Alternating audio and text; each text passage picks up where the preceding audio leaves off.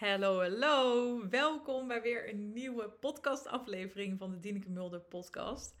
De podcast voor als je niet tevreden terugkijkt op je eerste bevallingservaring en het daardoor best wel tegenop ziet om in de toekomst of binnenkort, omdat je nu zwanger bent van je tweede kindje, weer te gaan bevallen. Nou, nogmaals, heel leuk dat je weer luistert, dat je weer intuned. Het is inmiddels maandag, het is maandagmiddag. Ik dacht, misschien is het ook wel leuk om even te beginnen met een update van uh, hoe mijn slash ons weekend was. En ik heb iets heel leuks op de planning staan vanmiddag. Um, want, oh ja, misschien eerst over vanmiddag. Het is namelijk nu half vier maandagmiddag dat ik deze podcast opneem. En um, als je mij wat langer volgt, dan weet je dat Daniel inmiddels bijna uh, vier is. Hij wordt 1 november, wordt hij vier jaar. Dus hij gaat ook uh, ja, binnenkort naar de basisschool. En uh, wij hebben daar heel veel zin in. Het is echt een nieuwe, vind ik, een hele nieuwe fase of zo. Ik vind het heel bijzonder. Vooral van, een, van als je kindjes zeg voor het eerst, denk ik, naar de basisschool gaat, je allereerste kind. En um, we gaan vanmiddag, we weten al een hele tijd naar welke school die gaat. In Haarlem heb je echt een heel lotingssysteem. En dan moet je je inschrijven, een jaar van tevoren al. Dus op zijn derde, als ze kindjes drie jaar worden, krijgen ze een brief. En dan ga je scholen bezoeken en dan geef je je top 5 voor, door. No joke. Als je in een klein dorpje woont, dan vind je dit echt hilarisch, denk ik. Maar uh, er zijn gewoon heel veel scholen hier en heel veel kindjes die naar school willen. Um, en sommige scholen zijn populair, andere scholen zijn groter en dat is dan wel altijd wel plek. Maar wij gaan dan toevallig naar een basisschool. Dat is een, uh, ja, een hele nieuwe school. Bestaat echt nog maar een paar jaar. Dus ze hebben ook nog geen groep 8. Geen groep 7, geen groep 8. Want het is ooit in de kleuterklas begonnen. En elke keer ging dus die eerste groep ging naar boven als het ware. Um, heel interessant, heel nieuw concept. Het is ook niet een bepaalde stroming zeg maar, die ze hebben. Het is echt helemaal anders dan wat er al bestaat.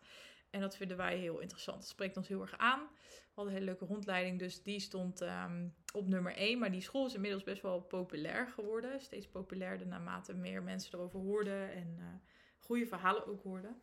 Dus het was nog best wel spannend of Daniel ingelood zou worden. Maar hij is dus ingelood. Dus wij waren heel blij. En uh, dus dat weten we inmiddels al best wel een tijdje. En vanmiddag gaan we, uh, ja, gaan we kijken. Dus we gaan uh, uh, kijken bij zijn, um, bij, zijn nieuwe, bij zijn nieuwe school. Dus we gaan op intakegesprek. Ik bedenk me nu ook, ik zit opeens naar de tijd kijken. Ik denk, fuck, ik moet over een kwartier weg. dus ik moet deze podcast echt veel korter houden dan ik had bedacht. Want ik zit me net te bedenken, hé, hey, het is al vier, kwart over vier, we dat gesprek. En we moeten Daniel nog uit de opvang halen, want daar is hij vandaag. Dus ik ga even iets minder lange intro, denk ik, ervoor maken. Maar in ieder geval, dan gaan we dus vanmiddag met hem heen. Heel veel zin in. En hebben we dus een intakegesprek. En dan gaan we ook de wenochtenden plannen. Dus heel leuk. En we hadden ook een heel leuk weekend trouwens. Um, we gingen gisteren appels plukken bij een boomgaard hier in de buurt. Nog nooit gedaan, maar ik vond het echt vet leuk om het samen met Daniel te doen. En daarna heb ik een appeltaart van gebakken. Echt een heel kneuterige zondag, maar ik vond het echt heerlijk. Misschien herken je dat wel. Af en toe vind ik dat echt, of nou af en toe, ik vind dat heel vaak heel fijn. Om gewoon van die beetje kneuterige dagen, gewoon dat je niet te veel um, doet. Um, maar wel lekker naar buiten, daar hou ik, al, hou ik altijd heel erg van. En zaterdag was weer een hele drukke zaterdag voor mij. Want had ik en een mini baby shower van een vriendin van mij. En een uh, kinderverjaardag. Het kindje van een hele goede vriend van ons werd één. Dus dat was weer, weer heel druk. Maar wel heel fijn. Lekker weekend gehad. Uh, ik had er nog veel meer over te vertellen. Maar ik zei dus al net. Ik moet deze podcast echt een beetje kort houden. En ik, kan, ik hou van veel lullen. Um, omdat we dus zo Daniel moeten ophalen bij de opvang. Maar ik wilde nog wel graag een podcast opnemen. Maar het onderwerp van deze podcast, nou je hebt het al in de titel zien staan. Um, maar ik merk dus, uh, ik merk de laatste tijd dat in heel veel van mijn uh, uh, gratis coaching sessies en in coachingstrajecten zelf, dat heel vaak hetzelfde terugkomt. Ondanks dat vrouwen allemaal een andere ervaring natuurlijk hebben. En ook dat voor iedereen is, is de zeg maar de reden, de, de reden aan de oppervlakte voor uh, dat, zeg maar de reden dat een bevalling een, geen fijne ervaring was, kan zijn negatief of zelfs traumatisch, um, die is natuurlijk voor iedereen anders. Alleen de onderliggende reden, en als je me langer volgt, dan weet je dat ik dat vooral heel interessant vind. Dus wat is de diepere laag? onder dingen. Het stukje psychologie, het stukje mindset.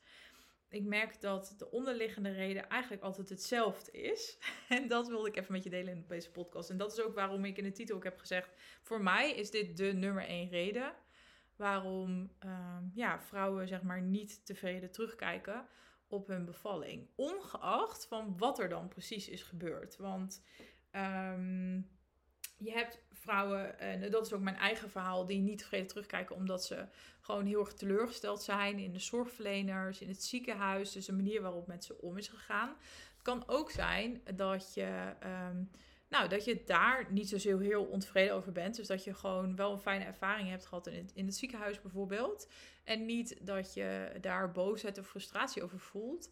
Maar dat je het vooral heel lastig vond dat je de controle kon compleet kwijtraakte. Omdat je bijvoorbeeld in een weefstorm belandde. Of omdat je bevalling gewoon heel snel ging. Ik heb uh, nu iemand in mijn coach traject die had echt een eerste bevalling van vijf uur. Dat vond ze heel heftig.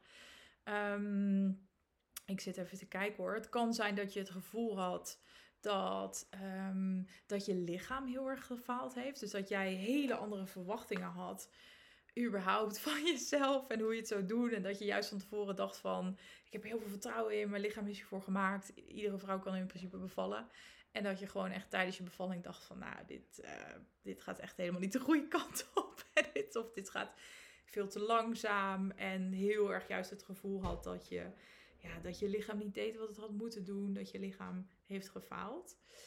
Um, dat je het lastig vond. Ik weet niet, nee, die heb ik nog niet genoemd. Dat je het misschien wel lastig vond om met de pijn om te gaan. Dus controle kwijt. Uh, bijvoorbeeld door die weeënstorm. Maar ook dat je überhaupt, dat je niet in de weeënstorm zat, maar dat je gewoon de pijn en daarmee omgaan gewoon heel lastig vond. En in al deze verschillende scenario's is er één, ja, ik noem het even gemene deler. Eén ding wat er eigenlijk onder ligt. En waar ik na verloop van tijd zelf achter ben gekomen in mijn eigen proces, maar ook omdat ik nu zoveel vrouwen ook coach en spreek, ga ik natuurlijk steeds meer, um, ja, hoe noem je dat, patronen daarin zien. Vind ik mega interessant. Um, en ook denk ik heel interessant voor jou als je deze podcast luistert. Omdat je hopelijk ook wel een stukje herkenning daarin in vindt. En um, dat ondanks dat jouw, ieders verhaal is natuurlijk uniek, uniek in die zin, uniek. Um, maar dat er ook wel een soort van um, ja, diepere laag onder zit, die we eigenlijk als vrouwen misschien wel met elkaar um, delen, als het ware. Dat is een beetje hoe ik dat zie.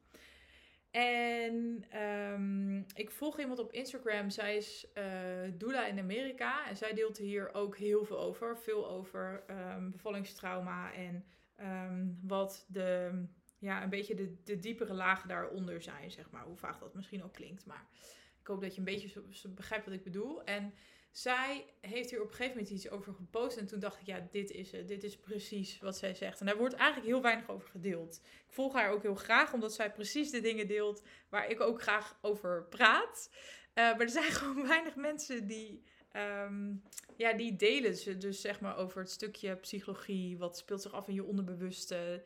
Uh, hoe komt dat naar boven tijdens je bevalling? Dus ik word er altijd heel enthousiast en gelukkig van.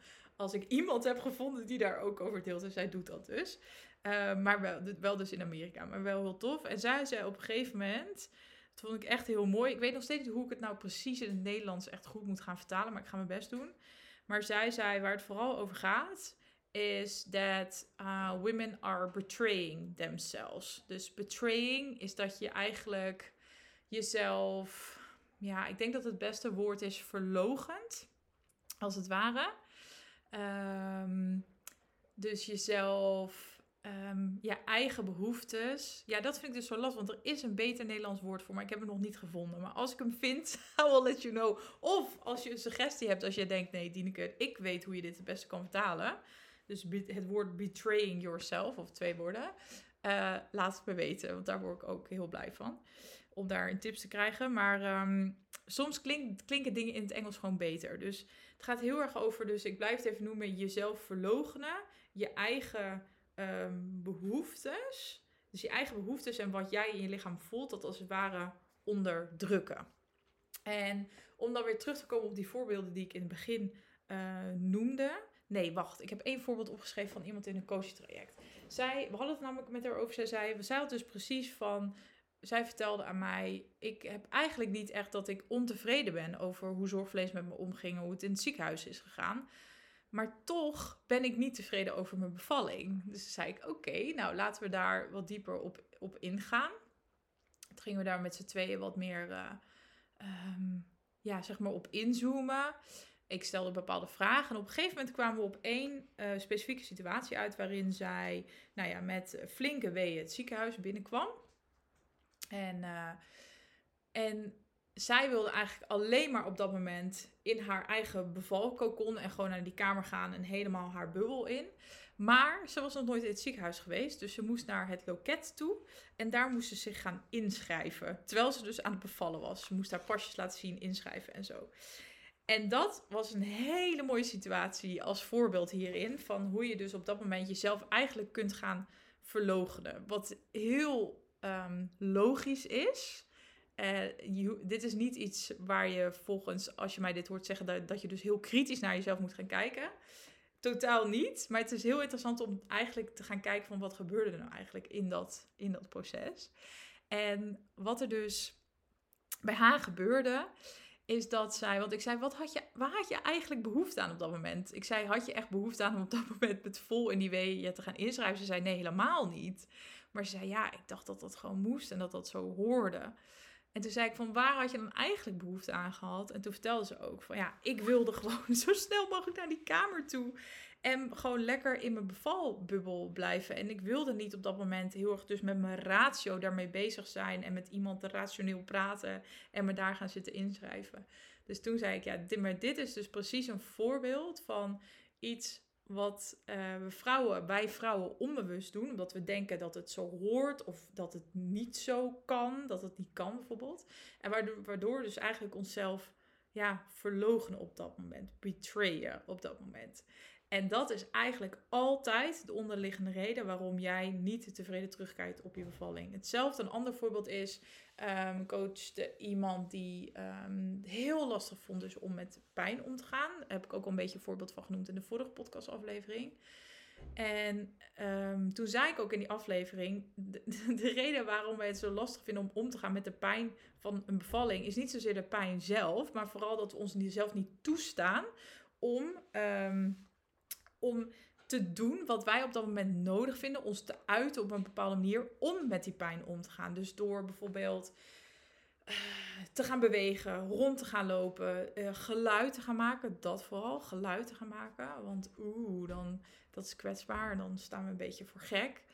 En dat zijn ook momenten dat je dus eigenlijk jezelf aan het betrayen bent. Ik blijf maar gewoon even het Engelse woord gebruiken. Dat je jezelf eigenlijk aan het verlogenen bent. Dus dat je merkt van ik heb de behoefte om nu geluid te gaan maken, om hiermee om te kunnen gaan. Maar ik voel me niet op mijn gemak. Wat super, dus super logisch is. Hè? Nogmaals, het is niet bedoeld om een soort van kritisch naar jezelf te gaan kijken. Maar het is wel heel inzichtelijk, vind ik, om zo op, op die manier is naar je bevalling terug te kijken. Dus wat zijn de momenten dat jij achteraf gezien eigenlijk een hele andere behoefte had. Ehm, maar niet naar die behoefte echt hebt geluisterd. Dus eigenlijk die behoefte hebt genegeerd. Um, eigenlijk uh, wat je voelde in je lichaam hebt genegeerd. Omdat je dacht dat het zo hoorde. Dat de ander het beter wist. Dat je, dat de, je, je schaamde. Dat je voor gek zou staan. Noem het maar op. Dus een reden die dus vanuit je onderbewuste altijd komt. Een reden waarom jij op dat moment dus niet naar je eigen behoeftes, je eigen wensen hebt kunnen luisteren. En dat is heel vaak het kantelpunt in je bevalling, waardoor het dus uiteindelijk onbewust niet gaat zoals jij um, graag voor jezelf had gewild, jezelf had gegund, jij had gewenst. Um, dus ga eens op zoek naar überhaupt dat punt. Of er punten zijn in je bevalling waarvan je nu achteraf denkt van oké, die, die behoefte en wat er uiteindelijk is gebeurd was gewoon totaal niet aligned. Er was geen alignment, zeg maar. Want ik had een behoefte, maar daar heb ik dus niet, niks mee gedaan, niet naar geluisterd, niet naar gehandeld. En als je die op een gegeven moment in kaart hebt gebracht, ga dan ook eens kijken of je kan vinden waarom je op dat moment dus niet naar die behoefte hebt geluisterd. Dus als het was, ik vond het lastig om met de pijn om te gaan, want ik durfde dit, dit en dat niet. Waarom niet? Waar was je dan bang voor? Als het was bijvoorbeeld het voorbeeld van het loketje. Ik wilde eigenlijk in mijn bevalbubbel, maar ik dacht dat het zo hoorde. Waarom dacht je dat? Waar komt dat vandaan? Dat, dat, daar leer je zo ontzettend veel over, zeg maar, door over jezelf. Waar bepaalde dingen vandaan komen. En dan kan je er vervolgens ook mee aan de slag en kan je kijken, oké, hoe kan ik deze overtuiging, want het is een overtuiging die er vaak onder zit, hoe kan ik dit gaan shiften? Dus, oké, nu moet ik hem gaan afsluiten, want we moeten weg. We moeten daar gaan ophalen bij de opvang. Het is een hele korte geworden, maar ik hoop dat je hier iets aan hebt gehad. Laat het me weten. Je mag me altijd een DM'tje sturen via Instagram.